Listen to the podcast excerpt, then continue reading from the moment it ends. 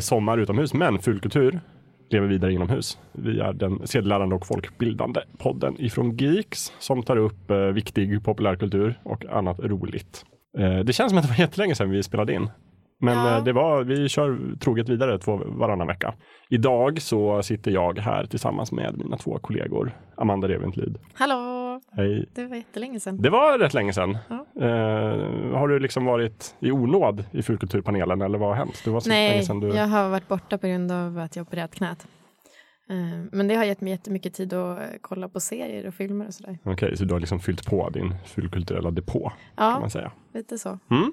Roligt. Andreas Eklöf är också tillbaka igen. Hallå. Hallå, hallå. Hallå. Du låter lite ovanligt trött idag. Ja, jag har varit på DreamHack i eh, ja, de senaste fyra dy- dygnen. Ja, tillsammans med Sveklockers. Ja, precis. Och eh, sovit ungefär 12 timmar under de fyra dygnen. Sammanlagt. Hoppsan! Mm, det blir tre timmar per dag. Det är lite lite. Ja, lite, Mm. lite, lite underkant. Hur va? Ja, du jag- har en liksom energidricka och kaffe här. Ja. Det är fattigt. Dubbel, dubbeltrubbel. Frågan är här, vi har liksom slagit vad jag och Amanda. här. Kommer du överleva hela den här inspelningen? eller kommer du somna? Om, om ni har någonting slå i golvet så, så vet ett ni vad. snarkande ljud. Ja. Då är det bara att köra vidare. Ja. Jag har ju ändå bunkrat upp här med som jag tycker ett ganska fartigt och roligt eh, tema det här avsnittet. Eh, vi ska köra någonting som heter Filmklubben.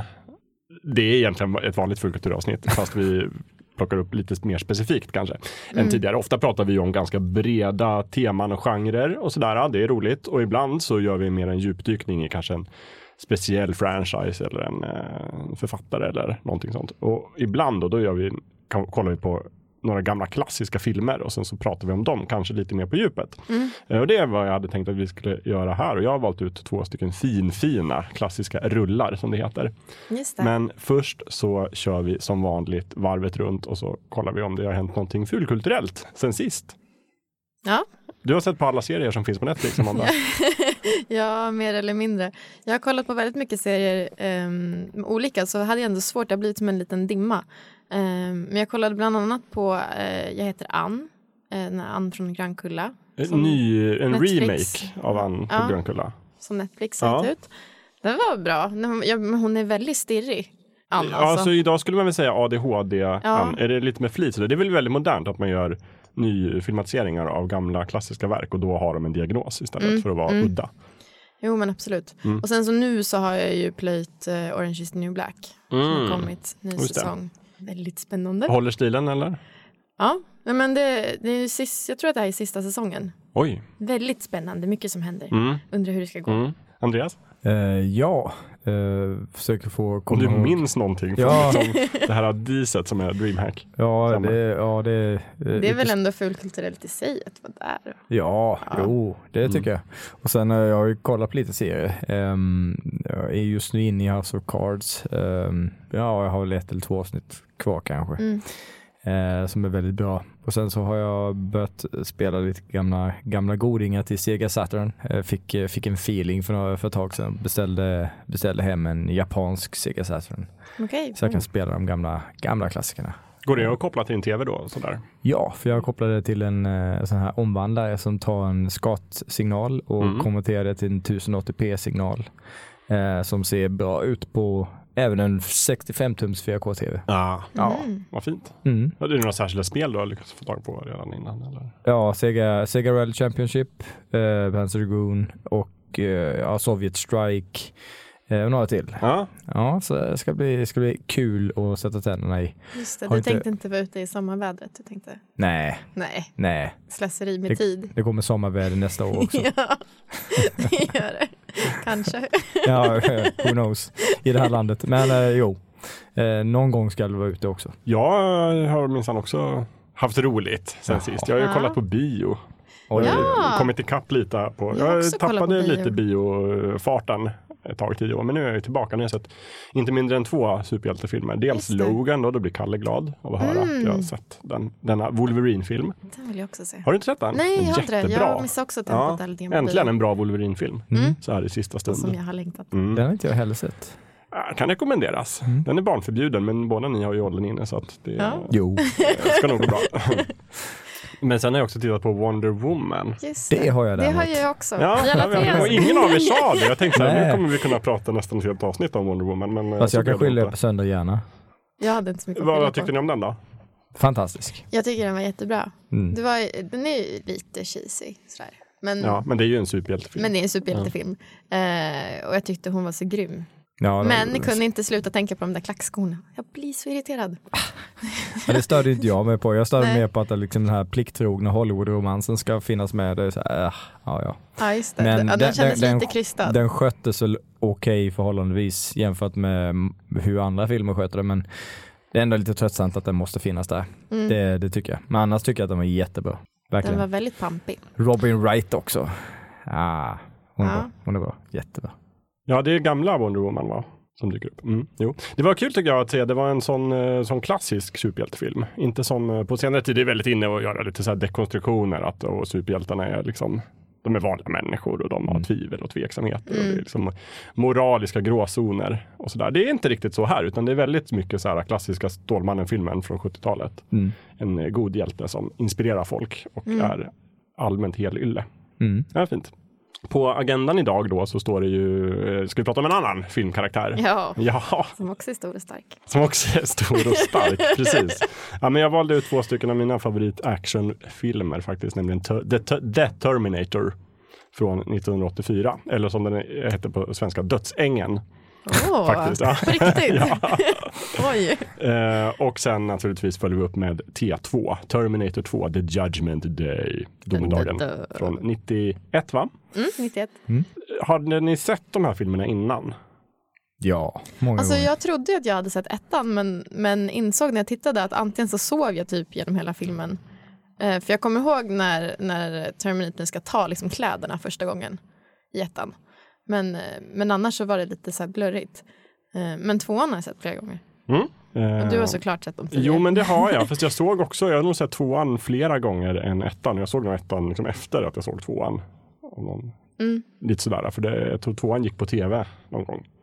Skulle man se den, ettan var lite sådär, fick man väl hyra på videobutiken nere på stan. Mm. Sådär. En riktig VHS-film känns det som. Hur gammal var du när du såg den? Ettan, eller tvåan? ja det vet jag inte. Tvåan var jag väl kanske 13 eller 14 sådär. Ja, du lyckades få se den fast du liksom inte borde fått se den. Mm. För den måste väl också vara 15? Eller? Jo, nej det var nog 11 Var årsgräns tror jag. Så farlig är ju inte den. Det är inte så mycket dör. blod liksom. Nej, många som dör. Ja. jo det är det förstås men ja, jag vet inte. Alltså det var en diskussion här men jag vet att min lilla syster, den gick på tv, min lilla syster ville se den Mm. och typ diskuterade med mina föräldrar en hel dag om att få se den och inte och sådär så fick hon inte se den. Och sen var det min tur, jag var lite äldre så jag liksom kunde snabbt liksom förhandla mig till att ja men jag får väl se den. Ja, just Så det. vart det så här, bara, ja du får se den. ja. Ja, Jag kommer ihåg, jag, ville, jag försökte övertyga en granne till mig att spela in det på VHS. För han hade VHS-spel som kunde spela in eh, Mm, mm. band på. Men eh, han ville inte det. Eh, för han tyckte att den verkade för eh, våldsam. Ja. Eh, så att eh, jag fick inte se den. Nej. Men jag såg den ett tag senare för vi Ja, skaffade paraboler tidigt. Eh, Så Ja. jag kollade på den i alla fall. Eh, den var häftig. Men eh, som, som med så många andra så tyckte jag ju att tvåan var betydligt häftigare och har sett den en ma- massa fler gånger Mm. än ettan. Även om ettan också är en väldigt bra film. Mm. Ja men de hör väl ihop någonstans, tänker jag. Det var därför Mm. jag valde båda. För, egentligen så är det väl, liksom, T2 är väl den som går till historien och är liksom på de här topp 100 bästa filmerna och bästa specialeffekter och en supersuccé. Mm. Men eh, storymässigt så känns det ju som att den bygger lite grann, för, för nästan som att den följer eh, första filmen, Ja, tycker jag. konstigt. Mm. Det är så ibland. Och båda de är ju regisserade av liksom den här giganten James Cameron. Cameron. Cameron. Cameron. Cameron. Men, Cameroon. James Cameron. Eh, som har gjort Avatar sen också. det var väl inget fel Nej, det. nej, nej. Det var en mysig film. Och han har gjort The Abyss vet jag. Mm. Och han har gjort mer. Han har gjort Aliens 2 också. Mycket bra filmer. Ja, eh, men, men The, The, The Terminator är väl den första, vet jag han gjorde, på typ nästan inga pengar alls. Nej, Sex jag har miljoner kollat. dollar. Sex miljoner dollar. 6,4 miljoner dollar. 6,4 Mm. miljoner 1984. Det är eh, mer pengar än jag har, men det är inte så mycket för att göra en film. Nej, men, Eh, och det syns ju också. Ja, men då hade du alltså inte sett den tidigare, Amanda? Nej, alltså jag tror att jag, har- jag har nog bara sett bitar ur den. Mm. Ehm, för att det var mycket som jag bara, jaha ja. Eh, och inte kände igen alls och bara, hur ska det här gå? Fast det är klart att jag vet lite hur det ska gå eftersom att jag hade sett tvåan. Men Ja. Men kan du inte börja med att berätta lite grann, vad hände i ditt huvud liksom, när du såg den här? Ja, det första jag slogs av var de otroligt dåliga specialeffekterna. Va? Och Va? typ sminket. Ja men vadå, det var ju 80-talet. Nej Ja. men alltså, jo, men eh, typ de här, de här eh, typ ärren på Reese Kyles rygg. Det är ju som att man har tagit silikon och så har man så här klistrat på det Mm. och så har man så här lagt lite färg. Så fruktansvärt fult. Också det här ärret han har i ansiktet. Man bara ser att det är påklistrat. Mm, mm. Man ser till och med kanten där det går in. Det är fruktansvärt. Och typ den här scenen sen när eh, Arnold blir ju rätt så här eh, omtecknad och har inte så mycket hud kvar på sin kropp. Eh, de grejerna är också väldigt fult gjorda. Eh, och hans lilla plastmask han har sen. Det är aj, fruktansvärt. Men tyckte du att det liksom störde din upplevelse av filmen på något sätt så? Jo, För dels är ju det här, det är ju 84 ändå, så dels är det ju före, som idag är vi lite bortskämda med specialeffekter kan jag tycka. ja. Och sen så är det väldigt, väldigt liten budget. Så. Men jag tycker ändå att det är roligt att se. Men det slås med mig också när jag ser det, jag såg den också häromdagen igen, när man jämför i början av, av filmen. Båda börjar ju med typ en liten snabb vision av framtiden Mm. och det här kriget mellan eh, maskinen och människan. Och så ser man de här flygande apparaterna som Skynet har. Så ja. de är mycket fulare i första filmen. Mycket, mycket fulare. Och typ dödskallarna som ligger på marken är mycket fulare. Mm. Allting är liksom eh, stor skillnad. Men om man tänker på att de gjordes på eh, 80-talet, tidigt 80-tal när effekterna inte var så häftiga så Ja. är det inte så dåligt.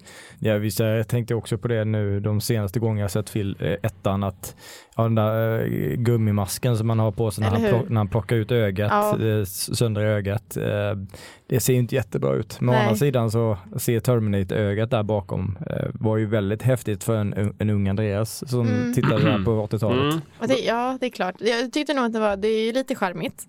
För att det är ändå någon typ av liksom tidsstämpel. Mm.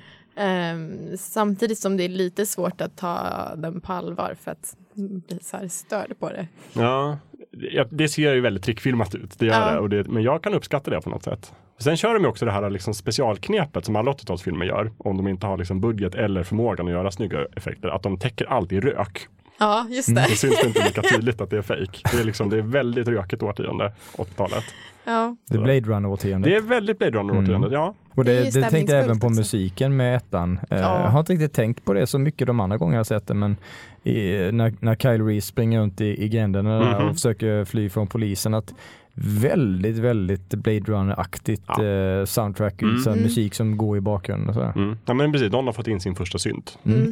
ja men precis, det är ju väldigt speciell eh, liksom, musik. Och sen är det ju som sagt 80-talet är ju, det, den är ju från 80-talet och det syns Mm. ju. Och det är liksom allt från, vi har Sarah Connors eh, frisyr Frilla, som ja. är fantastisk. Det fluffiga håret. Det, lilla, Nå- det är liksom som en hockeyfrisyr och lite pud, pudel, för det är inte, de är inte liksom, lockarna är ju inte runda utan de är lite mer vågformade så det är en kombination av Det där fjädriga fluffet Ja, Mm. det som... eh, Som hon piffar till då innan hon ska gå ut eh, Ja. på nattklubb. precis. Liksom, Det- vad är det, jag vet inte, hon kommer inte ihåg vad hon gör. Våfflar hon upp det eller är det? Nej, vad gjorde hon? Hon våfflade lite men sen så liksom, ja. Hon har utrustning för Ja, att liksom få upp den här volymen för i alla fall på något sätt. Men Mm. hennes eh, kompis har ju mer afrofluffet. Ja. Hennes kompis gillar verkligen att lyssna på Walkman också. Ja, Ja. Till och med när de får till det i sovrummet så ligger de och varför lyssnar ska jag vara på närvarande? Jag ska lyssna på musik. Ja, Det är och det då är viktigaste. det ändå 84. Det är inte liksom en helt ny produkt, en Walkman. Nej, Nej. nej. Men, eh, Men hon har den också så här roligt. Hon har liksom vänder på hörlurarna så att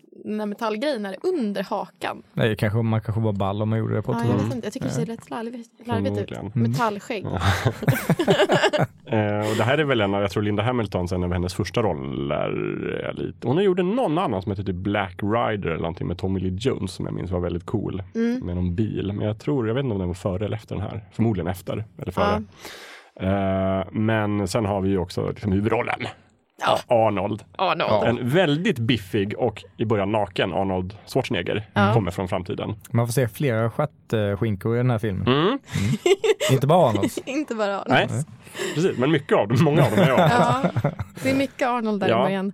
Och Arnold är väl liksom, i den här delen av hans karriär så är han ju från, han har väl redan varit Mr Universum Mm. och Mm. gjort sina liksom, framgångsrika bodybuilder-videor. Och han har spelat i lite filmer i alla fall. Typ Ja, Hercules i New York är en mycket dålig film som vi kan nämna. Och Conan har. Och Conan har han inte göra där han eh, visar mycket bara överkropp också.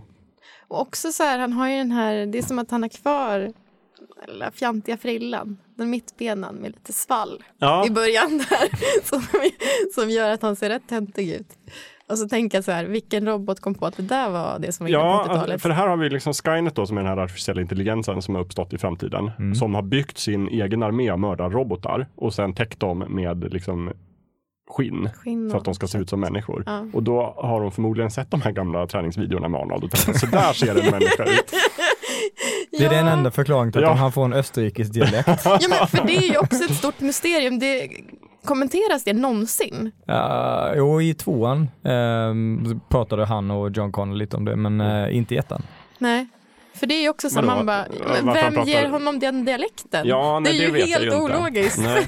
Men sen är det också, jag vet inte, för det skiljer sig lite åt. I första filmen får vi ju också följa Kyle Reese som också Mm. kommer från framtiden och Mm. är hjälten. Han är ju den som skickas tillbaka för att skydda, beskydda Sarah Connor. Mm. Och grejen är att Sarah Connor kommer att föda en son som kommer att liksom vara huvudfienden mot Skynet i framtiden. Så Skynet bara med att skicka tillbaka den här Arnold-roboten Som dödar henne. som dödar henne, då är allting klart och klippt. Mm. Och Kyle Reese kommer då för att förhindra detta.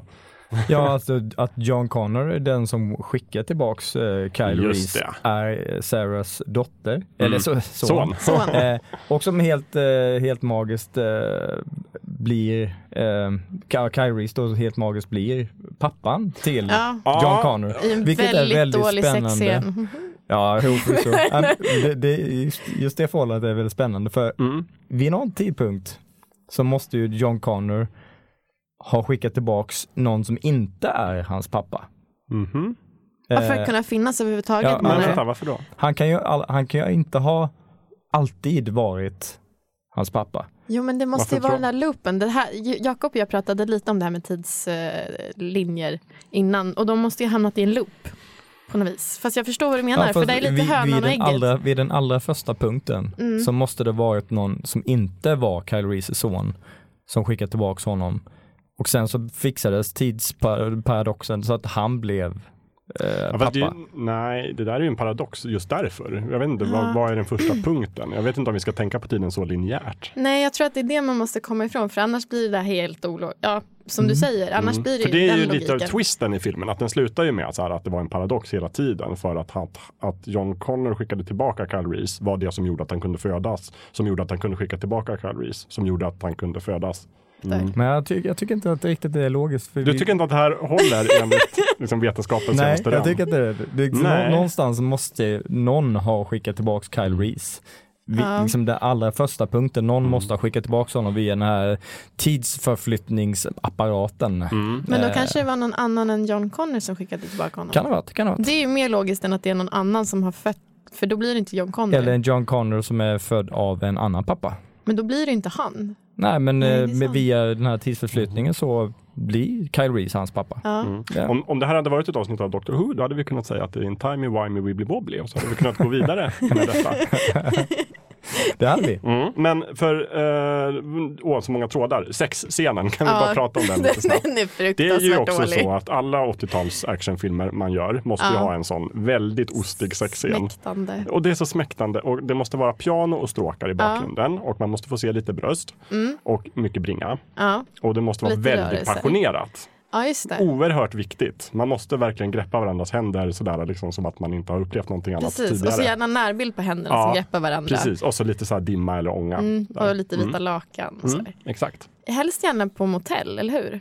Ja, Det är, Det är liksom inte inte, så mycket på resande fot. Ja, det är det ju. Och de är ju, det, för det måste ju vara, det är ofta de här liksom, tillfälliga mötena. Liksom. Vi har Mm. känt varandra i 24 timmar och en mördarrobot jagar oss. Nu Jag, slår vi plötsligt till. är jag alldeles översvallad av kärlek och känner att jag måste passionerat älska i den här billiga motellsängen. Och det gör de ju.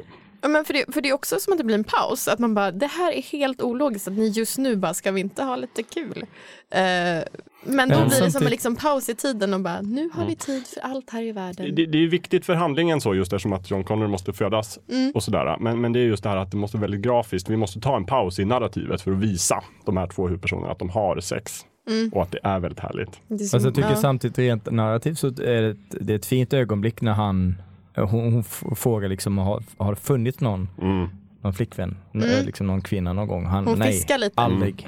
aldrig Ja, precis, just det det. har alltid varit Ja. du. Jag har alltid älskat dig. Och, Blev du lite rörd? Ja men det är fint, Ja. det är fint faktiskt. Sen så själva sexscenen kanske, ja det är typiskt 80-tal och liksom onaturligt sådär men Mm. Själva att de kommer dit tycker jag är rätt fint faktiskt. Mm. Men det är som att John Connor också har, han har liksom fixat det här lite grann. För han har ju först bara, hörru ska du ta ett foto av min mamma? Och så har han liksom lagt Hörru, in så. Ska du inte ligga med min Men, mamma? men det där är väl ändå ganska otydligt hur mycket John Connor faktiskt dels visste. Ja. Jag antar att han visste Han att, måste att ha Reese, du är min farsa och nu skickar vi iväg dig. Varför skulle han annars ha gett, henne fo- eller gett honom fotot? Heller. Ja, liksom. nej, det var antyds ju så. Men samtidigt så kan det innan. vara bara, kolla här är en snyggis från 80-talet. Ta det som en inspirerande liksom. Men, för han sa ju också att han, eh, han anmälde sig frivilligt Ja. för att åka tillbaka. Men det gjorde han ju för att han var kär i henne. För Ja, att John men Connor men- har liksom manipulerat honom. Ja, ja, Men jag John, vill inte säga John Connor har ju i andra filmen fått, eh, fått reda på att Kyle Reese var hans eh, Ja. Mm, Pappa, men det är, har, det är ju unge John Connor som har fått det. Så, ja men precis, så han då borde veta när han växer det. upp. Ja. Ja. Men eh, ja, det är inte helt eh, nej, glasklart. det är inte helt supertydligt vad som Nej. händer. Vad som, orsak och verkan är lite så här diffust Mm. eh, i den här filmen. Men det, det här med just samtalet innan de har sex, tycker jag ändå det är en grej som James Cameron är. Sa jag rätt nu? Cameron. Cameron, Cameron, inte Cameron. det är ett land. ja det är det. Sluta! Sluta mobba. Okej. Okej, James, jag kallar honom James bara, helt enkelt. Jag tycker att det är en grej som James är väldigt skicklig på i sina actionfilmer. Att han har hela tiden det här väldigt, väldigt starka drivet. Det är alltid så här actionscen, actionscen, actionscen. Och sen så är det alltid ett problem i actionfilmer att någonstans måste karaktärerna stanna upp och ge exposition och berätta så här, vad är det som händer i filmen? Hur funkar det här med tidslinjer? Vem är vem? Vad ska vi göra? Vad är det som gäller? Och han är duktig på att klämma in de där liksom, mellan actionscenerna. Det blir sällan, det, det blir lite styltigt här och där, men det är väldigt sällan de här liksom, så supertydligt att nu stannar vi bilen och så sitter vi och pratar om hur tidslinjen funkar. Men ja, det, det görs snyggt på, på flera håll, inte bara dialog utan även eh, till exempel när Kyle Reese sitter i bilen och, och somnar till och, och så ser de här eh, eh, byggplatsmaskinerna arbeta. Så drömmer man mardrömmar om de här liksom mördarmaskinerna. Eh, Hunter Seekers som de, Just jag det. för mig att de det är de här kallas. flygande svävarna. Ja, precis. Eh, så, så drömmer man mardrömmar om dem eh, och då får man exposition via det u- utan att det liksom kläms in och läggs på näsan. Nej men exakt. Det, det är snyggt gjort. posttraumatisk stress på ett snyggt sätt. Men jag tyckte att det kändes lite eh, hoppla när de hade sex. Det var liksom ingen uppbyggnad. Det var inte som att man eh, halva filmen hade fattat så oj det är sparks här. Nej, fast å andra sidan den dialogen precis innan, Ja. eh, jag tycker att den bygger upp det rätt. Sen Ja. att själva sex i sig, eh, men, Men det alltså, gick ju väldigt snabbt. Så, men det är som sagt, de har känt varandra i typ åtta timmar eller någonting. Under Ja. den tiden så har de nästan hela tiden blivit skjutna på eller jagade Mm. av en robot eller suttit fast hos polisen. Så att det var ju snabba ryck som gällde. Ja, jo. så här, och sen så det är ju liksom filmlogiken att man kan absolut bli kär i en främling på några Mm. sekunder. Just det. Eh, Men det var nog väldigt mycket adrenalin som ledde Ja. fram till det tror jag. Väldigt tur också att hon hade ägglossning precis då. Det är ödet. Det är det. Ja. Ödet. Ja, det är tidsloopen som bestämde detta. Jag skulle vilja lyfta fram en, en annan person också i den här filmen, nämligen Lance Henriksen som spelar polis. Mm. Ja, Som är så fantastiskt bra skådespelare. Ja, och han är ju också, det är roligt för att han eh, sökte ju rollen som Terminator va? från början. På riktigt? Ja, men vänta nu, vadå? Jag har bara svårt att se med Nu, när, vi, när vi tänker på Terminator Nej. nu, då tänker vi på en jättebiffig Arnold. Mm. Men när de började konceptualisera den här filmen så var ju de tryckte mycket mera på det här med att en Terminator kan se ut som vem som helst och att det ska Ja. vara en robot in disguise. Ja. Eh, Inte som Transformers utan som eh, människor. Och, eh, och då sökte han till den och han, på hans audition så klädde han ut sig till en robot. Han hade tydligen så här, han satte lite så här aluminiumfolie vid nacken så att det Ja. skulle se ut som att han var lite trasig robot. Och sen så gick han in så här med robotrörelser och satte sig i väntrummet och var robot. Och de älskade honom. Men Mm. sen så kom Arnold och bara så här, men vänta nu, vi gör en Arnold-film av det här istället. Ja, just Så, det. men sen fick ju Lance fick ju spela robot i Aliens. senare. Ja. Där spelar han ju, vad heter det, Bishop Mm. och gör en otroligt bra roll. Nej, men jag, hade, jag hade nog haft svårt att ta honom på allvar.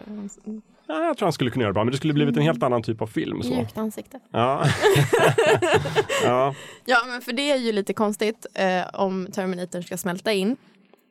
Arnold smälter inte in så bra. Nej, det gör han inte. Och jag vet inte om han smälter in mera liksom, i framtiden. Han borde smälta in 2029. sämre i framtiden. De är ju undernärda. Ja, men samtidigt är det väl bara de biffigaste som överlever, tänker jag. Jo, men att bli så abnormalt biffig. Ja.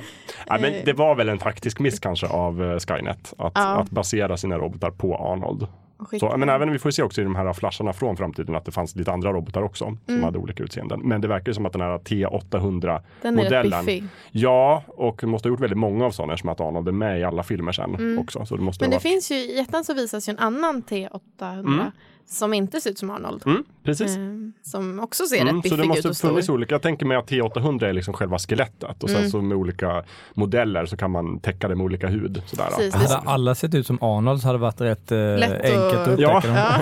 Utöver hundarna så hade man bara kunnat säga kolla där borta går en Mm. mänsklig eh, Terminator. Ja? Härligt. Precis, men jag tänker mig att Skynet har ju det här, han har dels fabriken där han gör robotskeletten och sen så har han en 3D-skrivare där han kan göra olika hudar och liksom människotyper på, och täcka det här skelettet. Mm. Och, så där, och då fanns ju Arnold inlagd Mm. Högst på listan. högst på listan. Och utöver Lance Henriksen, Bill Paxton, också en Ja. alien-veteran. Som också är... Vad, Vem är han? Han är en av de den? här thugsen i början på filmen. Nej, är det Just sant? Med Tiberan. spickiga håret. Ja. Nej! Jo, det är Bill Paxton. Nej men gud, det här måste jag gå tillbaka och kolla på. De var ju lite borttappade. Ja. Mm. Tycker Mm. synd om dem. När de, de vet inte vem de muckar med Nej. Nej, hur skulle de kunna veta det? Och den huvudthuggen i gänget, han är med i Mortal Kombat-filmerna. Inte lika bra film. Nej. Nej. Nej, bara en så här kuriosa. Ja. Jag gillar ändå första filmen någonstans. Den är väldigt mycket tidsdokument. Ja. Och jag tycker den är liksom, den är ju vad den är. Mm. Det är en bra billiggjord actionfilm från 80-talet. På tal om eh, frisyrer Mm. och också Arnolds frilla. Den är ju sådär larvig i början. Mm. Men sen så när, den, när han skadar sig och en konstig hockeyfrilla istället. Ja. Som är jätteful. och så måste de ju ha tänkt på något vis att vi klipper han till nästa gång. För nästa Arnold har ju en mer cool frisyr. Mm. Ja, det är 90-talet då alltså. Mm. Jo, precis. Men, Mm. men man undrar ju hur, hur, hur de i framtiden visste att den Mm. frisyren inte Ja, men de funkade hade ju, längre. det, det sägs ju någonstans att liksom jättemycket av liksom arkiv och data och sånt där är försvunnet i framtiden. Mm. Så att de måste ju haft väldigt begränsade uppfattning om tiden de skickas till. Ja. Så de måste kanske haft någon bild från 80-talet. Kanske på någon liksom rockartist eller någonting. Någon Just gammal. MTV-video eller någonting. Och så bara, vi ska skicka, han ska se ut sådär. Mm. Mm. Mm. Och sen har de fått lite andra bilder i tvåan då. De skickar Arnold och då kan de. Eller där är det ju i och för sig människorna som skickar honom. Ja. Ja, Så, Så då kanske har ju var de, John de som minns ju. klippte honom. Ja, precis. de, de, de minns liksom att det där var en skitful frilla, nu fixar vi till något bättre här. Mm. Mm. Vi kanske ska gå in på Terminator 2 ändå. Uh, James Cameron kommer tillbaka, Arnold kommer tillbaka, uppföljaren som typ ska slå alla uppföljare. Mm. Jätterolig grej där är att inför premiären av den här filmen, det minns inte jag för jag var så liten och jag bodde inte i USA. Men Terminator var ju väldigt ond i första filmen Mm. och de sa liksom inte att i nästa film så kommer Arnold att spela hjälten. Det var väldigt okänt för alla. Så att Mm. i trailern så spelar de också väldigt mycket på det. Och så det verkar som att han är skurken. Ja men precis. Och han säger liksom så här, I swear I will not kill anyone. Och då blir det så här, bara, galet Ja. kul. Och sen så avslöjas ju det i filmen ganska långt in. Det är väl typ efter 20-25 minuter någonstans. Där man faktiskt fattar att nej vänta nu, i den här filmen så är T800 hjälten. Jag tänkte att det förstod man direkt. Men Nej, det kanske var för att jag läste in det. Så kanske det. Han kommer till eh, nutiden och sen så går han in på den här bikerklubben Mm, slår lite folk. Dödar ingen i och för sig. nej. Men det är ändå en så här typ, tydligt att han är protagonisten. Och sen så får man se T1000, den Ja. nya otäcka Terminator som spelas Just det. fantastiskt av Robert Patrick. Åh, mycket bra. Ja, mycket bra. Och där, är, han- där kör de lite mer på det här liksom, doldis-greppet. Mm. Att den här personen kan liksom maskera sig till vad som helst. Och, och Ja, bokstavligen. Smälta in. Ja, verkligen. Eh. Bokstavligen. Smälta in. Och, och han eh, slår ner en polis, eller dödar en polis. Det ser Mm. man inte riktigt sådär. Men, men man får ju ganska länge följa båda de här som liksom letar sig fram till John Connor. Det sägs inte tydligt att det är den ena som är ond och den andra som är god. Nej, Förrän de är i gallerian och man, då fattar man Då att fattar vänta man. nu, det Ja, är det 10 000 som försöker döda. Just det. Det är, det är nog Det är de nog här, jag som har läst in. Ja. Jag tyckte det var Men, självklart. men, men jag tror också det är lätt att tänka där att idag vet vi, det är så himla Mm. tydligt att ja, men Terminator är en filmhjälte i Mm. tvåan. Men för liksom biopubliken 91, de minns bara gamle Arnold som var ond robot. Det måste varit en twist. Ja, vad spännande. Visst är det Ja, spännande? men det är som att man får lite förstört filmen nu i efterhand liksom. mm. Men det är sådär, man, alla vet liksom idag att Darth Vader är Lukes pappa. Ja. Nästan i alla fall. Ja. Det finns härliga YouTube-klipp på, på eh, nätet där, med folk som inte vet det som får se Empire Strikes Back. Bara, Va? Är det hans det pappa? Vad har de gömt sig de senaste åren? Nej, precis. Men det är lite grann som också om man ser typ Snatch första Mm. gången. Då är den fantastisk. Sen kan man liksom inte riktigt se den en andra gång för då vet man vad som kommer hända och det förstör lite grann upplevelsen. Det hade varit häftigt att få se den utan att man visste. Mm, att det det, var Arnold jag kan också dum. tänka så ofta att det vore väldigt kul att se. Mm. Eh, för här visade det sig då liksom att det var inte, minns han inte bara en Terminator de skickade utan de skickade två. Ja, Kanske i samma ögonblick eller lite senare eller från en annan plats. Det vet vi inte för det är framtiden och allt då har inte hänt än. Men det kommer till nutiden och den kommer i en annan tid. Så de ska inte jaga Sarah Connor längre utan John Connor. Mm. Jag kommer inte ihåg om det är från filmen eller om det är liksom sådana här serier runt omkring som jag läst. Men eh, jag vill minnas att det var så att de, de skickade, Skynet skickade T1000 Mm. och eh, så kom motståndarrörelsen och skickade T800 efter det när de, när de märker att de har skickat Ja. en, ny, eh, en ny typ av Mm. Terminator efter Sarah Connor. jag tror de säger det här i filmen. Ja, nästan för mig det också Mm. faktiskt. Att han liksom omprogrammeras snabbt Mm. Mm. Snabbt, snabbt. Fort ska gå. Mm. Och, där, och det är väldigt bra då, för där ser vi ju redan i nutiden, unge John Connor, att han är en hejare på att hacka datorer och grejer. Ja. Mm. Så där får vi också lite snyggt att de liksom bygger upp att det här är faktiskt en person som skulle kunna programmera om en Terminator. Mm. Fast han använder det till massa ofog i den Ja. här Ja. filmen. Men han är en oslipad diamant kan man säga. Han är en busunge. Unge Edward Furlong. ja. Har han gjort något mer sen, sen Terminator? Ja, det gick ju lite ut för. Men han blev väl som många barnskådisar, mådde inte så bra efteråt. Nej, började missbruka och sådär. Ja. Mm. Mm. Jag för mig det i alla fall. Ja. Han var med i någon annan storfilm efteråt men sen så ja, gick, det, gick det inte bra. Han hade ju också den här tidtypiska frillan. Mm. Mm. Men lite mer grunge, eh, fast lite. sidbena Ja. sådär, som man skulle ha då. Och så lite stripigt hår som Ja, hängde fram ja, sådär i ansiktet. Eh, pluspoäng också tycker jag att han använder en liten Atari-portfolio för att liksom hacka bankomaten. Mm. Ja, just det. Väldigt fin. Minidator. Då blir man ju glad. Ja. Men det är ju också tur att han inte var med sin mamma på ett sätt då. Mm. För hade hon sett Arnold hade hon ju sprungit. Hon hade inte en gång velat höra på vad han hade att säga. Nej, precis. Det gör man ju där. Det är ju mer situationen som gör att hon liksom... Hon tvingas ju liksom Ja. lita på han där Exakt. när de hämtar henne. Början måste jag bara säga. Mm. Otroligt eh, upp... Liksom, de har ökat, förbättrat specialeffekterna Oh ja. på de här åren och eh, fått in lite datagrafik och sådär. Vad var? De hade ju en väldigt eh, annorlunda budget. Mm. Eh, jag tror de var uppe i 102 miljoner Mm. eh, dollar Mm. istället för de här 6,4. Ja. Men det som har hänt från första till andra filmen är också att James Cameron har blivit James har ju blivit James med Ja. hela världen. Han har gjort Aliens, han har gjort The Abyss tror jag också. Sådär. Mm. Så att nu Ja. är det väl liksom bara du, allt du rör vid blir ju till guld. guld. Mm. Ta alla våra pengar och gör en Terminator 2-film. Ja, Och de, gör han han hade ju väldigt mycket datakraft att jobba med. Ja, Här.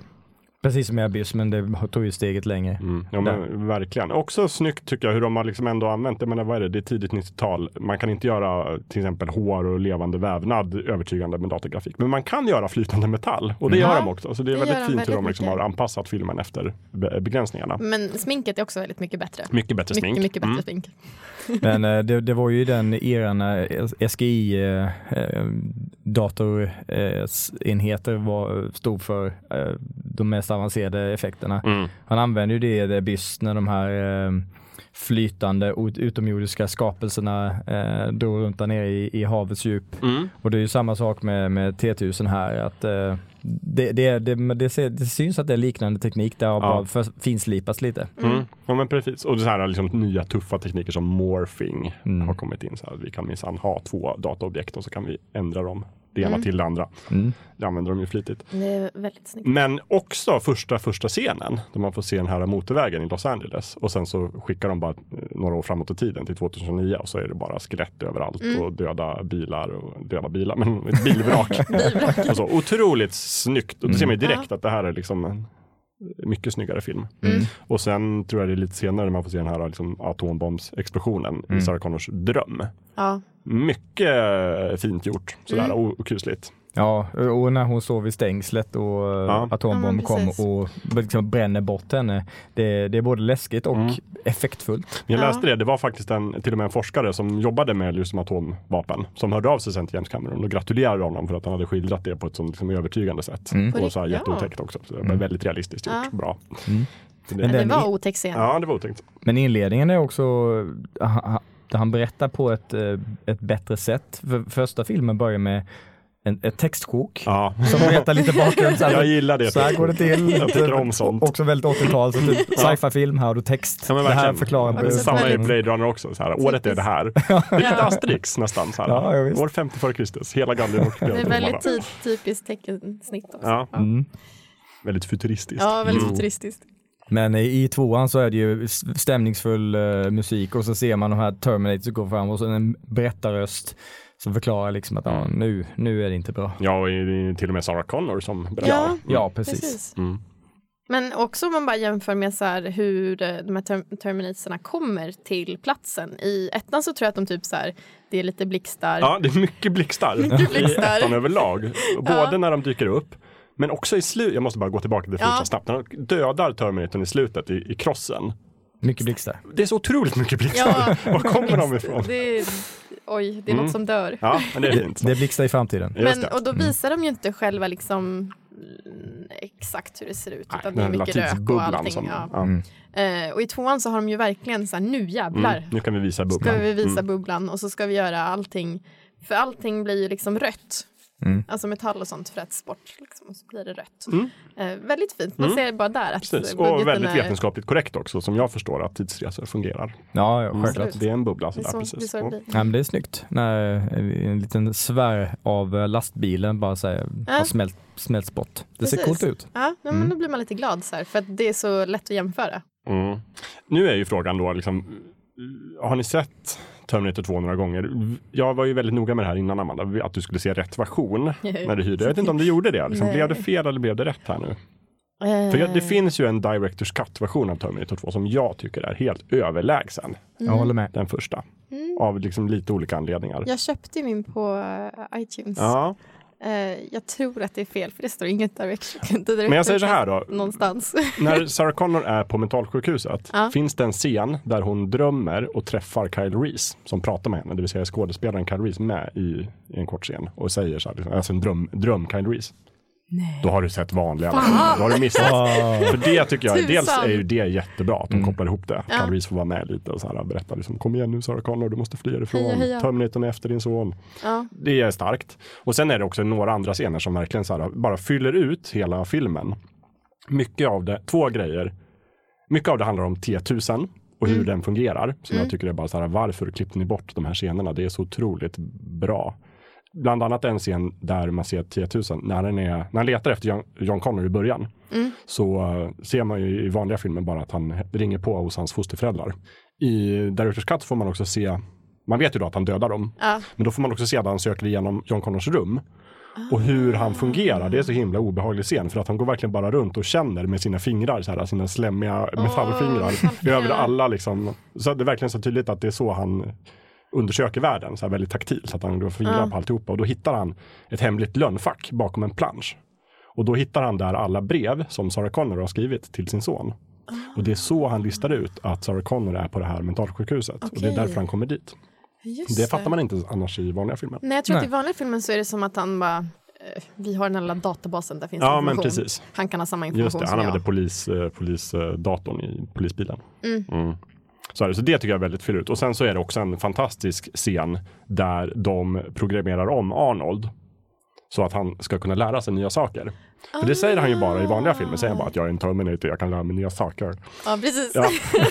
Men i, i Directors Cut så är det tydligt så att det finns att eh, Skynet har programmerat de här robotarna eh, med chip som inte tar in ny information så att säga, utan de är verkligen bara gjorda för att göra sitt uppdrag, nämligen döda. Ja, just det. Eh, För men, skulle de bli för självgående Ja. så skulle de ju kunna... Kan hitta på vad som helst. Ja. Ja. De skulle kunna ställa sig mot Skynet också. Ja, Mm. men precis. precis, det vill man ju inte ha det. Nej. Nej. Eh, Men då kan man då, då skruvar de upp Arnolds huvud och tar ut det lilla chippet. När de är på Aha. flykt. Och sen så skriver gör, eh, växlar de om den lilla flärpen så att det blir skrivbart minnet. Ja. Så då kan han börja lära sig nya saker.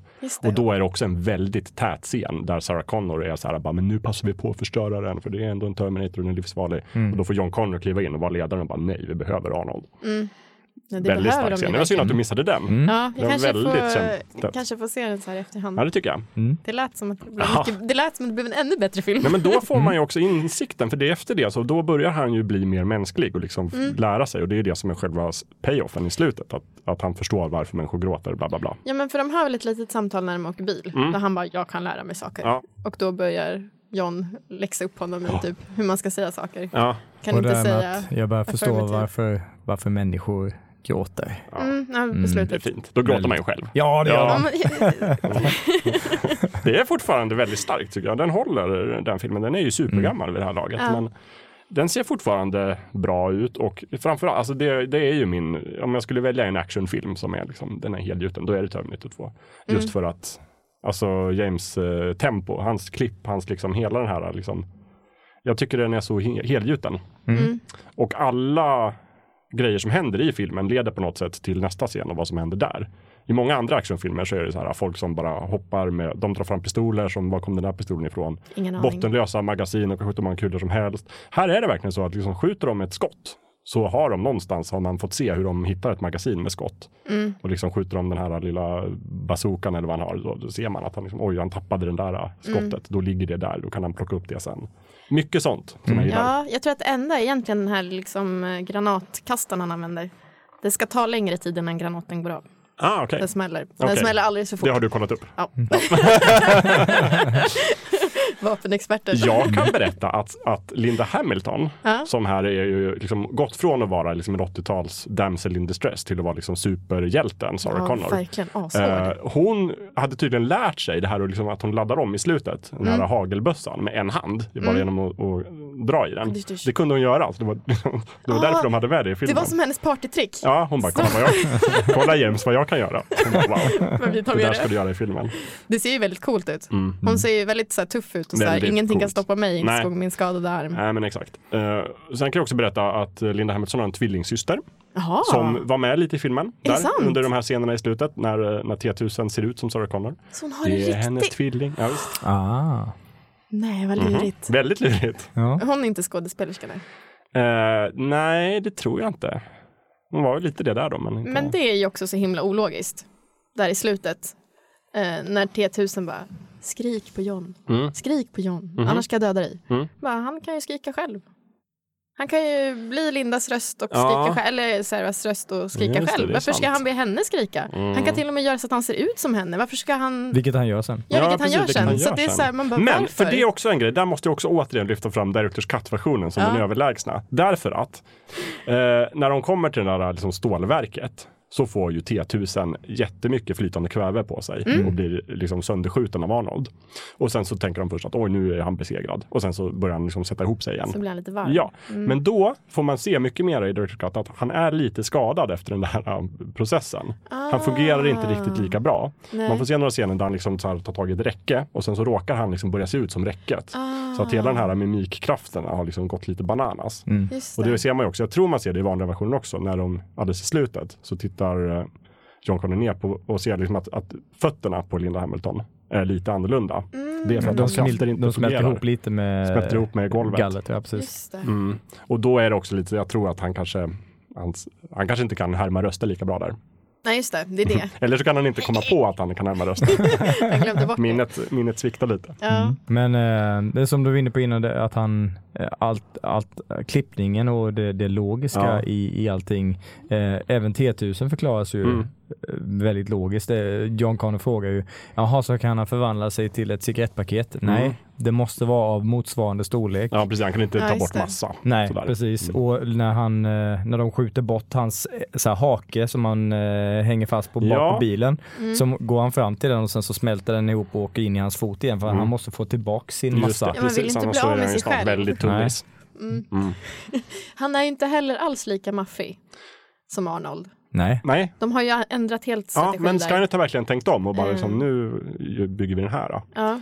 Slim Den tycker bättre. jag nästan Ja. är läskigare. Jag tycker han är mycket läskigare. Är jättemycket Mm. läskigare för han är ju också jättesnabb. Mm. Liksom hur snabbt Arnold springer. det- Ja, men Det ser lite där, klumpigt ut. Robert Patrick låg tydligen i hårdträning just för att kunna springa så långt och så snabbt utan att liksom, ändra ansiktsuttryck. För det För det syns inte att han anstränger sig. Han springer så fort! Mhm. Och det ser också ut som, jag vet inte om han har väldigt ovanligt långa armar. Men han springer på, han springer på ett sätt som, med armarna som gör att det ser Mm. ut som att de är, han ser liksom metallisk ut på något vis. Och de har gjort det så himla snyggt. Vissa av oss människor har ju orimligt långa armar, så Ja. är det ju. Så. Det har jag fått höra en gång när jag skulle köpa en kostym. Så sa Ja. okej, vi, vi går och kollar här med kostymerna med ovanligt långa armar. det är väl jag och Robert Patrick då Ovanligt. som har det. Mm. Ja, för det är liksom, det, det, det Ja. läskigt. Nej, men också just hur den här Terminatorn använder sina krafter. Just hur han kan göra sina händer till hakar och pålar och Mm. spetsar. Och Han sånt är ju där. uppfinningsrik. Ja. Mm. Det är som att han... eh, Och det ja. slås också fast tror jag. Nu är det här liksom, det var någon form av liksom prototyp som Skynet har upp Mm. och gjort. Så. Men jag tror att om man läser, liksom, det finns ju massa kringhörande litteratur Mm. och sådär som går in och typ novelliseringar och sånt där. Så beskriver de att Skynet själv var lite rädd för en T1000. Mm. Det var därför han inte gjorde så många. För att han kom på att den här Ah. eh, prototypen är så uppfinningsrik att liksom, det är verkligen ett hot för mig. Så, så att jag Och bygger kan liksom bara gå in i två. saker också. Den borde ju kunna krypa in i ett system. Ja, och bara- man vill inte liksom bygga en armé med T1000 och sen få dem emot sig. Nej. är det kört. Men Arnold, lyck- T800 lyckas ju faktiskt överlista den lite. Ja. När, när den har kommit hem till John Connors för, eller adoptivföräldrar. Ja, Mm. Eh, och de säger det, eh, Arnold säger vad heter, vad heter hunden? Ja, just det. Max. Så jag bara, Is Wolfie okay? Wolfie is just fine. Ja, han är också "Åh, dina klurig." föräldrar, dina Mm. adoptivföräldrar är döda. men, men också så här att inte, att inte människorna kom på att göra det själva. Det var Mm. ju vissa gånger i typ ettan också som man bara, åh, varför gör ni det där? Varför säger ni sådär? Ja. Eh, och där kan man ju tycka att om de i tvåan då också, att John borde ju varit lite mer försiktig bara av sig självt liksom. Det var tur att Arnold tog över, för annars Mm. hade han ju sagt allt. Jo, men han är väldigt klurig. Det skulle jag också säga att, att T800 i den här filmen är en lite nyare modell. Det är väl modell 101 tror jag som är. Mm. Så att det är en lite annan form då. Just det. Kanske lite uppdaterad mjukvara. Lite klurigare. Det är bra att han är Mm. lite smart. Eh, vad kan vi mer säga om Terminator 2? Det är så himla mycket biljakter. Mm. Jag, hade inte, eller jag har ju fattat det på något vis, men jag, det är så mycket biljakter. Ja, Det är ju typ, filmen skulle kunna heta något om bilar istället, Mhm. nästan. jagad av en robot. ja, ja. Jagad av en stormvind fast. Precis. jo men så är det ju. Och De kör ju liksom alla möjliga fordon. Det är långtradare, och det är helikoptrar, och det är vanliga bilar. Och, Ah, ja.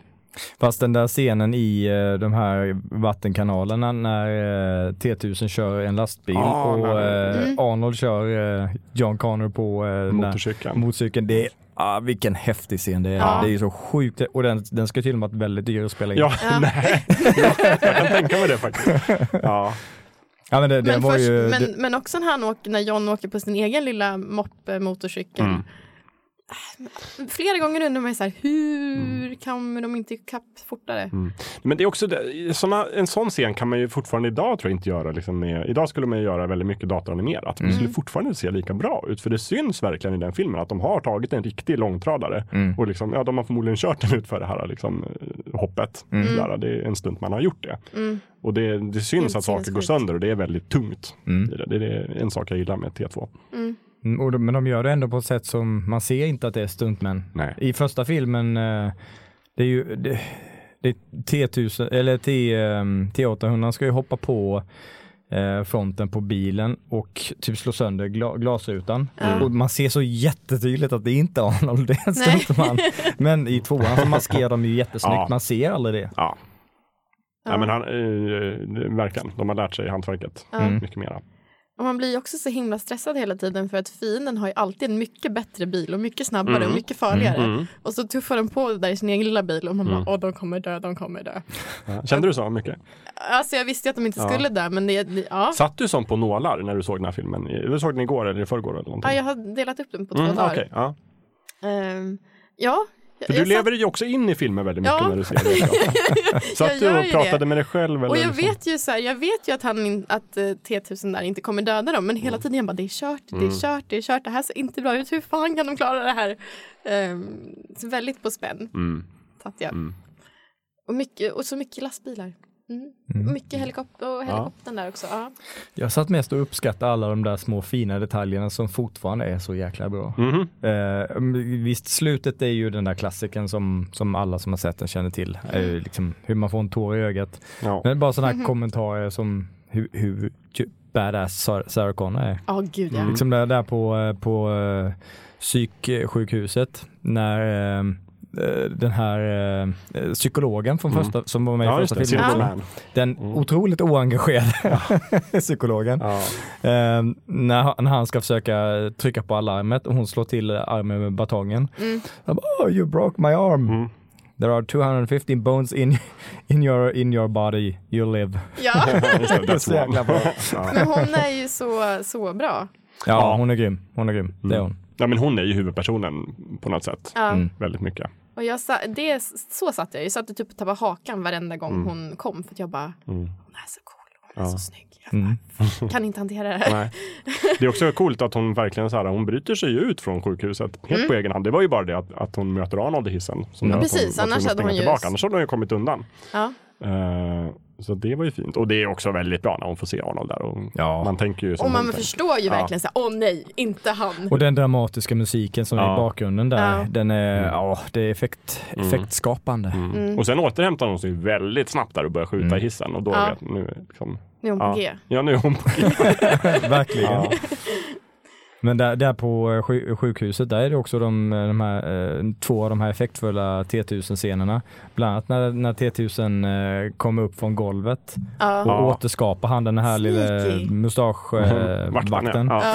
Ja. Ehm, och liksom skjuter in den Mm. här f- fingerspetsen i ögat på honom. Ja. Ehm, och sen när T1000 går igenom gallret Ja. ja, och liksom den, han, den, han, det glider isär och sen glider ihop Och så, så fastnar pistolen, pistolen. lite grann. Mm. Visar man liksom att oj just det, det här är ett fysiskt objekt. Ja. Ja. det är ju så läckert. Mm. Så oerhört läckert. Mm. Jag tycker att T1000, den är, han, han är liksom obehaglig lite grann på samma sätt som Javier Bardem i No Country for Old Men. Mm. Mm. Som bara går fram med sin lilla grisslaktare och bara, Mm. kan du stå still? Dysch. Just det. Eh, det är lite samma sak med Mm. fingertopparna. Väldigt så här, lugn och avslappnad på något sätt. Och bara så metodiskt. väldigt kylig och metodisk. Och han är ju en robot så, men Ja. det, ja, det, är Ja, men han, han skådespelare, han, han gör ju verkligen det jättebra. Det här stoiska, kalla, ja. Uttryckslösa Mm. ansiktet Ja. hela tiden. Mm. Det, ja, det Som är- också är vasst. Mm. Det är Mm. så obehagligt ansikte.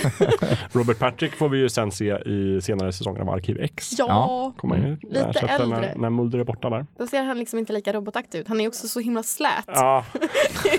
jo men han blev lite, T2. lite plufsigare också när han blev äldre. Mm. Men i den här filmen är jag verkligen liksom, ja, han är, de, de slipat hela honom. Mm. Ja. Jag tror inte de har liksom lagt till effekter där på datorn. Nej. Jag tror verkligen att De han kanske har en sån, sminkat honom sån lite, slät hy. men han, han har väldigt fin Men det är Så- konstigt för att det ser ut som att Arnold också har så här tajtare hud i tvåan på något vis. Ja men det tror jag han har. Ja, han ser liksom lite Han, har mer- väl, han är ju inte riktigt lika biffig där. Han har liksom blivit lite mer liksom normal människo. han har ägnat mer tid åt Och sen skådespelare kanske han har lyft sig lite. Ja, men, exakt. exakt. Botoxat sig. Mm. Mm. Och det här är väl ändå innan han började göra liksom komedier som Klappjakten och sådär. Så. Han hade spelat in Twins innan. Ja, det har han gjort. Okej. Ja, Mm. det är Ka- Cactus Jack där Twins någonstans till också. T2. Den är så bra. Och Arnold. Men på tal om specialeffekter, Arnold. Mm. Alltså de gör ju väldigt mycket fint eh, i Terminator 2.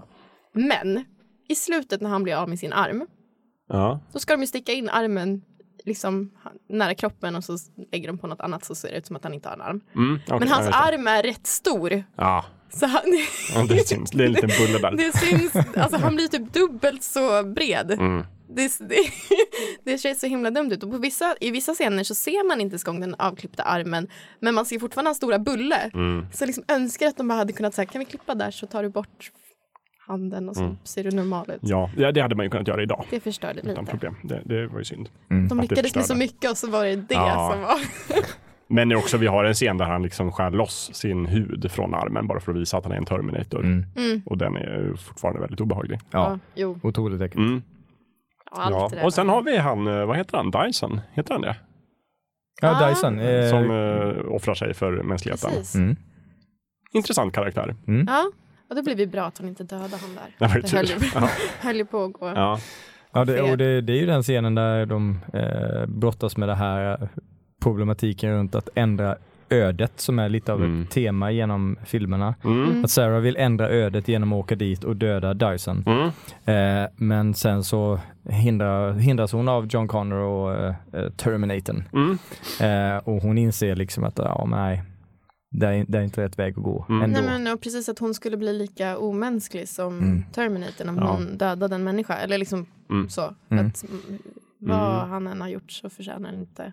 Nej precis, det Att är, ju- det är ju liksom gammalt kärt Ja. såhär, dilemma i, i de här typerna av filmer. Just att demomässigt så här ska man besegra sin fiende genom att bli som sin fiende. Mm. Mm. Men sen slutar den ju lite grann, i alla fall om man, det första slutet som de tänkte sig var ju ett lyckligt slut. Mm. Där man får se Sarah Connor vara gammal och bara säger så här i en berättarröst att ja, domedagen hände inte. Allt gick jättebra. Ah. Eh, och sen eh, typ testpubliken och James Cameron tyckte inte om det slutet. Nej. Och så gjorde de det, det här lite mera vaga. Att Ja. nu är framtiden som en öppen väg. Och Mm. den vet vad som händer. Det. Och du tyckte att Sarah Connor var jätteglad. Ja, jag tyckte hon lät munter.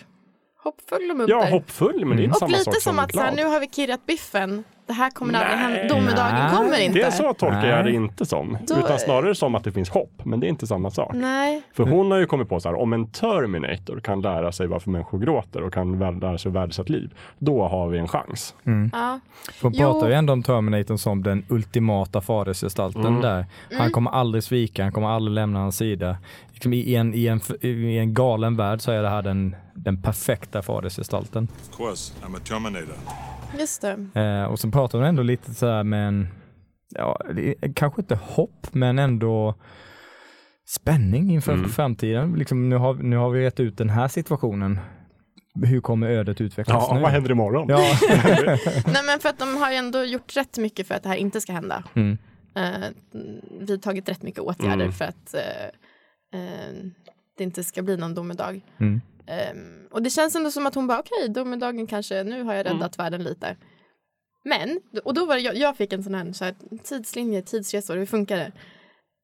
Jag skulle, om jag var hon så skulle jag blivit jättenopprig och så här, vad fan händer? Jag har inte lyckats. När min son fortsätter leva. Han borde ju försvunnit. Ja, Om det, de lyckades. Det funkar inte som i Tillbaka till framtiden, att det är en Nej. tidslinje så, utan i så fall tänker jag att nu har de ju gått in i en parallell tidslinje genom att jo, ändrat de här sakerna. Så nu kommer framtiden utveckla sig på ett annat sätt. Ja, men i ett då parallellt han- universum händer det fortfarande som i den Men i, då om. Terminatorn aldrig utvecklas, då kan han inte heller åka tillbaka i tiden och då kommer ju inte Reese efter och då blir just det... det. Fast då kan de å andra sidan inte stoppa Terminator heller, så då kommer ju det att hända. Ja men så då borde, då borde hennes minne lite grann så här ändras om. Mm. Och, Jag tänker fortfarande att det man har- borde försvinna. Jag tänker fortfarande att det man har upplevt och erfarit, det finns. Man Mm. förändrar inte liksom verkligheten man lever i genom det. Man kan eventuellt förändra vad som händer i framtiden. ja. Så, eh, enligt teorin om parallella universum så är det här inga konstigheter. Nej, det det, lite finns ju o, det finns ju olika liksom, logiker när det gäller Mm. tidsresor. Ja, men i Ehm. Tillbaka till framtiden, där, är det ju liksom, där kan man ju se på ett foto hur Marty McFly lite grann gradvis suddas ut ur Mm. existensen eftersom att han ändrar det förflutna. Mm. Och så, så verkar det inte funka här. Nej. Och sen så försökte jag kolla på det. Det, och tids, om man söker på tidsresor och Terminator då blir det väldigt rörigt Mm. snabbt. Ehm, Men sen är det ju också så att eh, kan Dyson ta fram den här tekniken? Visst, det kanske skulle ta lite längre tid, men någon annan kanske också tar fram den. Mm. Så att det kanske är oundvikligt Ja. att det uppstår. Och eh, Mm. i vilken av de här parallella eh, dimensionerna och tidslinjerna kommer de faktiskt att förhindra att eh, Skynet försvinner och vilka kommer det faktiskt inträffa? Mm. ja. Ja, och det där är också vilken historiesyn man har, för där finns det ju liksom dels aktörsperspektivet och dels det här strukturella perspektivet. Och det är liksom den här frågan, liksom, om vi dödade Hitler 1936, skulle det bli något det världskrig? Mm. Då säger ju de som tror på aktörsmodellen att nej, det hade det inte, för det var Hitlers fel. Men de som tror på strukturella menar att jo, det hade det blivit ändå, för det är andra omständigheter som leder fram till de här händelserna. Mm. Och i, enligt det perspektivet så skulle ju Skynet ändå uppstå, därför att tekniken finns ju och liksom, den kommer uppstå någon annanstans. Mm. Ja men det var lite som att man hade inte kanske kommit på att göra det om de inte hade fått det där trasiga chippet. Ja, fast eh, det, är ändå, det var människor som utvecklade det. Så, Ja. att, eh, så sannolikheten är ju stor att de fakt- någon annan skulle utveckla något liknande.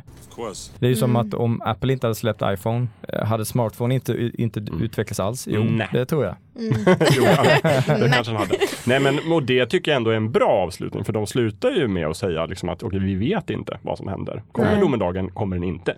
Vi vet inte. Vi har liksom gjort vad vi har kunnat. Den som Nu, lever nu, är, nu, är, mm, framtiden oviss. Ja. Och det är lite spännande, kittlar i magen, Mm. säger säger Ja, det är ett väldigt bra avslut och sen så förstör de det i efterkommande filmer. Jo men eh, absolut, men där någonstans så slutar min Terminator-kanon. Absolut. När James Cameron hoppar av och de gör liksom de här konstiga Terminator 3 och Terminator 4 och 5. Men visst var det något problem med hon Gaylan Heard eh, som, eh, som var inblandad i de första filmerna att ho- hon fick rättigheterna eh, till att fo- fortsätta göra filmer och Cameron ville inte ha någonting med det att göra. Jag vet faktiskt Jag har inte. för mig att det var något sånt.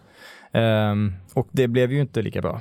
Nej det blir inte det. Blir mycket mera liksom glimten i ögat, haha roligt och sådär redan Mm. i trean tycker jag. Som ändå är en så otroligt dum actionfilm på många sätt som tvåan inte är en dum actionfilm. Ja, den här, vad heter hon, TX? TX. Men det är ju en del glimten i ögat i tvåan också. Jo det är Jo, det, men absolut. som Men det, är, en- det är en Nej. annan Det är- stämning. Det är mm. inte så här, de skickar inte nanorobotar för att liksom trycka på en gaspedal och de Nej. förstorar inte Nej. sina bröst för att förleda en, en, en, Mm. eh, en polis och det är mycket sånt där konstiga Mm. grejer. Ja. Sen kan jag för sig finna en viss njutning av den här senaste Terminator Genesis. Eftersom det bara är en sån här riktig parodi på allt vad Terminator heter och tidslinjer och Arnold som liksom skojar med sig själv. Och så. Det, men det är en rolig komedi liksom. Mm. Ehm, men eh, nej. Ja, det känns som att skeppet har seglat för den serien nu. Ja visst. Mm, tyvärr. Mm, Ja. Och det sägs ju att Arnold var väldigt tveksam där att göra trean eftersom att James Cameron inte var inblandad. Ja. Så pratade han med James om det och James sa bara, men ta pengarna, gör Terminator. och så gjorde han det. Det är kul ju. Ditt bankkonto kommer gilla det. Ja. Tiden går jättesnabbt när vi Ja. har roligt att prata om bra film. Men vi måste ju prata lite om så här teman och, och liksom symbolism och sånt här. Mm. Tycker jag Ja. vi ska liksom analysera film. Jag vet grann. att du har en analys. Ja men oj, Oj, många, har. många, många, Som många. du var spänd på att få berätta. Nej, det vet jag inte. Jo, Ja. det lät så. Man kan ju läsa filmen på olika sätt, men Mm. är- ett, någonting som jag tycker är väldigt uppenbart är ju all liksom, kristen symbolik som finns i framförallt tvåan, men också i ettan. Vi har hela det här med liksom, alltså domedagen, Judgment Day, det är ju från Bibeln. Och att, det är ju Kyle Reese då, men i Bibeln så är det ju Gabriel som kommer till eh, jungfru Maria, i det här fallet Sarah Connor, för Ja. att liksom berätta att du ska föda frälsaren. Det är nämligen John Connor, Mm. JC, Jesus Jag Christ. Ja precis, PS jag är pappan.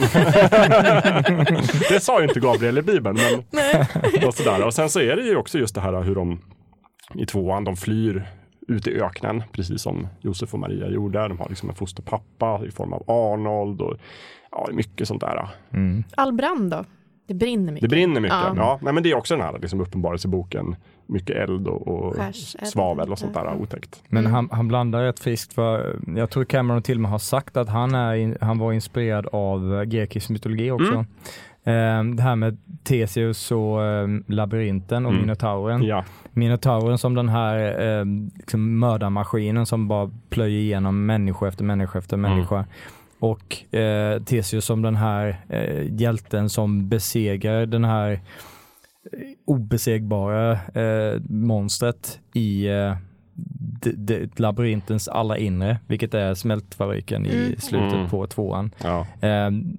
Det blir ju väldigt tydligt när man ser det så, men som du säger, det, det finns ju också massa paralleller till Mm. kristendomen. Ja Mm. visst, men det är det som är fint också med sådana här filmer, att man kan bygga in mycket olika symbolismer i Mm. det. Och, så. och det sägs ju att alltså, liksom själva grundidén till Terminator-filmerna fick han ju från sin barndom, en väldigt obehaglig mardröm han hade Mm. om en mördarrobot som var ute efter honom.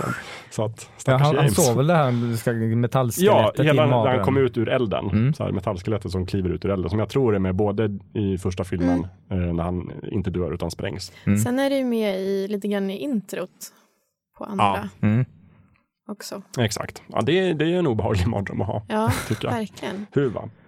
Men, och sen finns det ju också lite kopplat till det här med grekiska mytologin, hela det här att det, man kan läsa det som en konflikt mellan modernismen och postmodernismen Mm. Mm. i 1900-talet. Berätta mer. Där, där eh, T800 då i form av Arnold, den Ja. lite snällare Arnold i tvåan, Mm. är ju, symboliserar ju modernismen. Det vill säga det är, det är en, liksom en, en monolitisk maskin som har ett enda mål. Och han står ju för liksom så här tydlighet och styrka och, och sådär. Han personifierar ju då modernismen. Och sen har vi T1000 som är liksom otroligt relativist. Han kan ju liksom bli vad han vill. Han kan absorbera vad som helst. Han kan bli exakt vad han behöver för stunden. Det är liksom och det är postmodernismen. Ja, men precis. allt möjligt Ja. för att sen byggas ihop igen. Ja, Och, ja, Då är det liksom det är kampen mellan de här två ismerna som det. där stackars människorna hamnar i mitten. Och sen finns Men det på, om modernismen vinner? Ja, Ja. precis. värderelativismen eh, vinner inte i filmen. Nej. Tolka. Mm. Men sen på en enklare nivå är det också liksom det här, eh, vår, vår, för- att vi förlitar oss allt för mycket på tekniken Mm. för allting. Ja. Ehm, Och när den vänder sig mot oss. Mm. Precis, när, när, vi, när vi gör saker med teknik som vi inte riktigt förstår, eh, som vi inte riktigt kan hantera, när vi gör för mycket utan att tänka på konsekvenserna med tekniken. Mm. Det är ju också ett Mm. litet underliggande tema. Mm. Mm. Jo men verkligen, också det här just att, att mm, både tekniken blir det som är vårt största hot då, Mm. men också det som kanske räddar oss. Att det, blir, det handlar om hur vi förhåller oss till tekniken, är väldigt intressant. Jo, Mm. men om man tänker på i dagens samhälle, eh, hur mycket vi förlitar oss på teknik i olika del, delar. ehm, att vi har ugn, värme, Mm. eh, butiker som håller varor kylda, Mm. eh, te- telefoner för att kunna sköta någon form av kommunikation, eh, liksom säkerhet, larmcentraler. Allting sånt förlitar sig på tekniken. De- De här Terminators och Skynet är ju bara ett, liksom ett extremexempel på hur mycket vi förlitar oss på den Mm. tekniken. Och om någonting inträffar med den tekniken, det, samhället i stort är ju helt handfallna Mm. för men hur det ska hanteras. Precis, och på många sätt är ju tekniken vår bästa vän Mm. och liksom också en förlängning av oss själva. Mm. Ehm, och just det här vetgiriga, så här, vi vill se vad vi kan göra, hur långt kan vi pusha gränsen, vad Mm. är möjligt? Mm. Och att sen där inte ha väldigt restriktiva spärrar kring att så här, vi undersöker det här innan vi släpper lös det. Mm. Och då kan det gå fel, Just Då det. kan det gå fel. jättefel. Det tycker jag är roligt också när, när Linda Hamilton, eller Sarah Connor ger Dyson en släng av sleven där. Bara, Åh, det är män som du som hela tiden så här, tänker så här, bara, vad kan vi göra istället för att fundera på vad. Mm. Annat är det med oss kvinnor som kan så här, bära liv inom oss.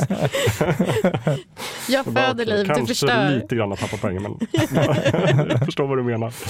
Det är roligt. Ja, och sen har det varit på senare tid en del eh, teknikikoner som uttalar sig om risken med AI. Mm. Nu när, allt mer, när AI rör sig in i allt mer i våra moderna teknikprylar. När, när kommer vi nå den punkten när det börjar bli Mm. lite farligt och kommer vi då upptäcka det? Mm. Mm. Intressant tanke. Vi har ju tidigare ett helt avsnitt om AI Mm. i Fulkultur Mm. som man kan gå tillbaka och lyssna på. Jag tror inte någon av oss är med i det men, men Nej, det eh, det, tror var ändå väldigt intressant. Mm. Absolut. Sen är det ju också spännande just det här att om man får reda på i filmen att, att det här med Skynet och sådär, hela problemen uppstår ju med att hon att människorna försöker stänga av Skynet Mm. när de blir rädda för det. Mm. Inser att ja, vi har byggt en AI. Stäng av, stäng av, stäng av. Nej, och så det är egentligen någon form av självförsvar där. Mm. Och att det den gör är att använda människorna emot varandra. Så Mm. att de skickar iväg eh, får dem att tro att det är ryssarna som har skickat iväg kärnvapen. Mm. Då försvarar de sig. Så att Skynet bara lutar sig tillbaka och bara, ha, ni. det där fick ni själva. Ja. Ja, Ja, men i, för- i, tvåan säger, säger de ju att eh, Skynet eh, ser mänskligheten som ett hot Mm. och bestämmer sig för att undanröja det bara. Ja, och det kanske är riktigt Mm. på något sätt. Så om man är Skynet så är det ju såklart att om mänskligheten har byggt den och sen försöker stänga av den, vad ska man göra? Nej. Man försvarar sig. Jag vet inte. Skynet, om de hade varit schysstare mot Skynet kanske hade varit jättetrevlig AI. Mm. Ja, men har den blivit självtänkande? Eh, vad är det som gör, säger att den inte ser sig själv som ett liv? Ja, exakt. Ja, ja, vad, vad är ett liv egentligen? Ja. Måste det vara biologiskt för att det är ett liv? Mm. Sen tycker jag ändå liksom att hur man än har blivit behandlad, man ska inte skicka mördarrobotar på Nej, folk. det är dumt. Det Nej, är och utrota fel. hela- Man, nej, det ska man inte. Det, där går man över en gräns. Mm. Men man kan lite grann förstå. Men det gör ju vi Skynet mänskligheten också. Ja, det är inte rätt. Nej. Men det framställs också i, i både ettan och tvåan, men kanske speciellt tvåan. ehm, just så här hur mycket människor gillar att förstöra saker. Mm. Det är Mm. väldigt så här, symboliska scener med typ två barn som leker med pistoler. Ja, precis. Som att så här, det ligger i vår natur att Mm. vilja förstöra världen. Mm. Mm. Och det säger väl typ Arnold också någon Mm. gång. Så här, det enda ni vill är att förstöra världen. Mm, det är precis den scenen han säger det Ja. faktiskt. Han bara, mm, han bara, ja, för att han säger det på österrikisk. Och Arnold. ja, Åh, Arnold. Mm. Men det är kul där hur de ändå, liksom, hur han, Arnold, T800 modell 101 blir någon form av liksom, lite mänsklig sådär. Och, Mm. liksom, det är fint. och så gör han tummen upp där i slutet. Ja, det är jag. Ja. Jag gillar tummen Ja, upp. jag. Jag blir glad. Ja, Som en ung luttrad pojk så är det nog den enda scen som har gjort mig lite tårögd. Mm. Ja, det var fantastiskt. Mm. Och det, och det vi kan ju bara avsluta med det att i den här gamla klassiska diskussionen om att uppföljare nästan alltid är sämre. Mm. Kommer ihåg på, sk- på skolgården att vi har pratat om att ja men Terminator 2 är ett exempel på, ett Där av få bättre. exempel på där Mm. uppföljaren faktiskt är mycket bättre. Mm. Klart bättre. Ja, verkligen. Och så är det ju fortfarande faktiskt. Det är ganska Ja. sällan som Mm. uppföljare är klart bättre. Ja. Ja. Ja. det finns ju ett fåtal, men det är ju in, snarare undantaget än regeln. Absolut. Mm. Jag har, ju, jag har ju Terminator lite grann som spirit animal när jag spelar Derby. Det är lite Mas- därför Maskinen. jag... Maskinen. Ja, just det. Tänker du Arnold då? Eller? Ja, men jag tänker Ja, Arnold. ja. Jag tänker just det här metodiska Mm, och så här, tänker du på det lugna. Nej, det kanske jag ska göra. Det kanske skulle gå ännu bättre. Och jag har Mm. till och med så här, spelarbilden är lite inspirerad. Cybernetic organism. Ja. Måste Det- lägga till med dialekten. Det är någon gång han ska säga vad, vad den här T1000, eh, vad han är gjord för Ja, någonting. just det. Vad är det? Met- Metal Oilog. Ja, just det. Alloy. Det. Det låter jätteroligt. Mm. och jag fick så här pausa och spela tillbaka och fnissade. Liquid metallic oil oil. Jätteroligt. Ja, det är vackert. Men det är ju väldigt, just det där att jag tycker att eh, Terminator Genesis är ganska rolig. Det är ju en riktig kalkonfilm. Men Mm. just det här där de har ganska långa scener där Arnold eh, ska försöka förklara så här, liksom, nu finns det olika parallella verkligheter. Och i en tidslinje så stoppade ni Skynet men i en annan så har, gjorde ni inte det. Och den här roboten den kommer från den och nu har vi att, att höra honom försöka förklara det med sin härliga Arnold-dialekt. Åh, Det är kul. Ja. du får kolla på klippen. när de Ja. det. Kanske inte värt att se hela filmen. Nej. Nej. Men sen en annan grej som jag, gör att jag inte kan acceptera någon annan Terminator-film än ettan och tvåan är ju att Linda Hamilton inte är med. Nej. Nej. Det är hon som gör filmerna tycker jag. Mm. All, all heder åt Arnold, men liksom utan Linda så vore det inte riktigt bra. Nej. För sen är det ju andra som har spelat henne. Dels i, eh, i tv-serien Mm. Mm. så är det ju, vem är det där? Det är hon som spelar Cersei i, eh, Ja, i Game of Thrones. Vad heter hon? just det. Eh, Hon har brunt hår. Ja, Ja, jag kommer inte ihåg faktiskt. mhm. Men den är faktiskt ganska bra. ja den, den är ganska bra. Mm. Så, och vi har eh, han Brian Austin Green som spelar uh, Kyle Reese brorsa också. Just det. Det är Och, sam, och samma glow som en Terminator. Ja, just det. Ja, Mm. jo, men den har sina, sina förtjänster, men jag tycker fortfarande inte det är kanon. Det är lite Nej. det är en specialare. Bonus. Eh, för sen har vi nämligen i nyaste, i Terminator Genesis, så spelar ju Emilia Clarke, Mm. eh, Sarah Connor. En annan Game of Thrones skådis. Mm. Vem är hon Mm. i? Ja, hon är ju Khaleesi. Mm. Så det, det är lite bortslösat på den filmen. Ja, men, men det är lite sådär, ja, precis. Nej, men den tycker jag man ska se och skratta åt. Men, Ja. men eh, vill man se bra filmer tycker jag man kan se först ettan då snabbt och sen tvåan. Mm. Har vi något avslutande klokt att säga om det här? Framtiden oviss. Ja, det är som Ja. en, en öppen landsväg Mm. någonstans. We'll be back. Om två veckor. Faktiskt. Fulkultur kommer ju köra hela sommaren sådär. Vi tar inget sommarlov. Nej. Utan Nej. med lite smart planering så kommer vi att sända Fulkultur varannan vecka hela sommaren Mm. och resten av året. Mm. Så är det. Men, men nästa gång, Då är det avsnitt 42 va? då är det avsnitt 42, då är det någonting helt annat som det Mm. handlar om. Eh, Det är det hemligt än så länge. Men, Som syftar på siffran. Just det. Kanske. En liten ledtråd där. Kan det. ni gissa? Ja. Gillar ni Fulkultur så kan ni gå in på Fulkulturpodden på Instagram, Twitter, Tumblr, Facebook och eh, likea och prenumerera och kommentera och diskutera. Ja. Vi gillar ju jättemycket när ni diskuterar och Mm. kommenterar. Ja, men Det gör precis. vi. Och kom med tips, kom med era egna teorier. Hur hänger tidslinjerna ihop? Ja, gärna. Eh, varför är Sarah Connor så glad i slutet? Har de skäl att vara Är hon glad? glad? Just det. Hur hänger det ihop? Vad kostar det att bygga en Terminator? Det har jag funderat mycket på. Mm. Sådär, vad liksom, det måste vara otroligt mycket, om man ska ha många olika modeller sådär, så måste det kosta mycket. Mm. Men har de bara Arnold så, så kan de spara in en del slant på stordriftsfördelar. Fulkultur är slut för den här gången. Tack för att ni har lyssnat. Tack så mycket. ses vi igen. Tack, tack. Hej hej. Hej då. Hej då!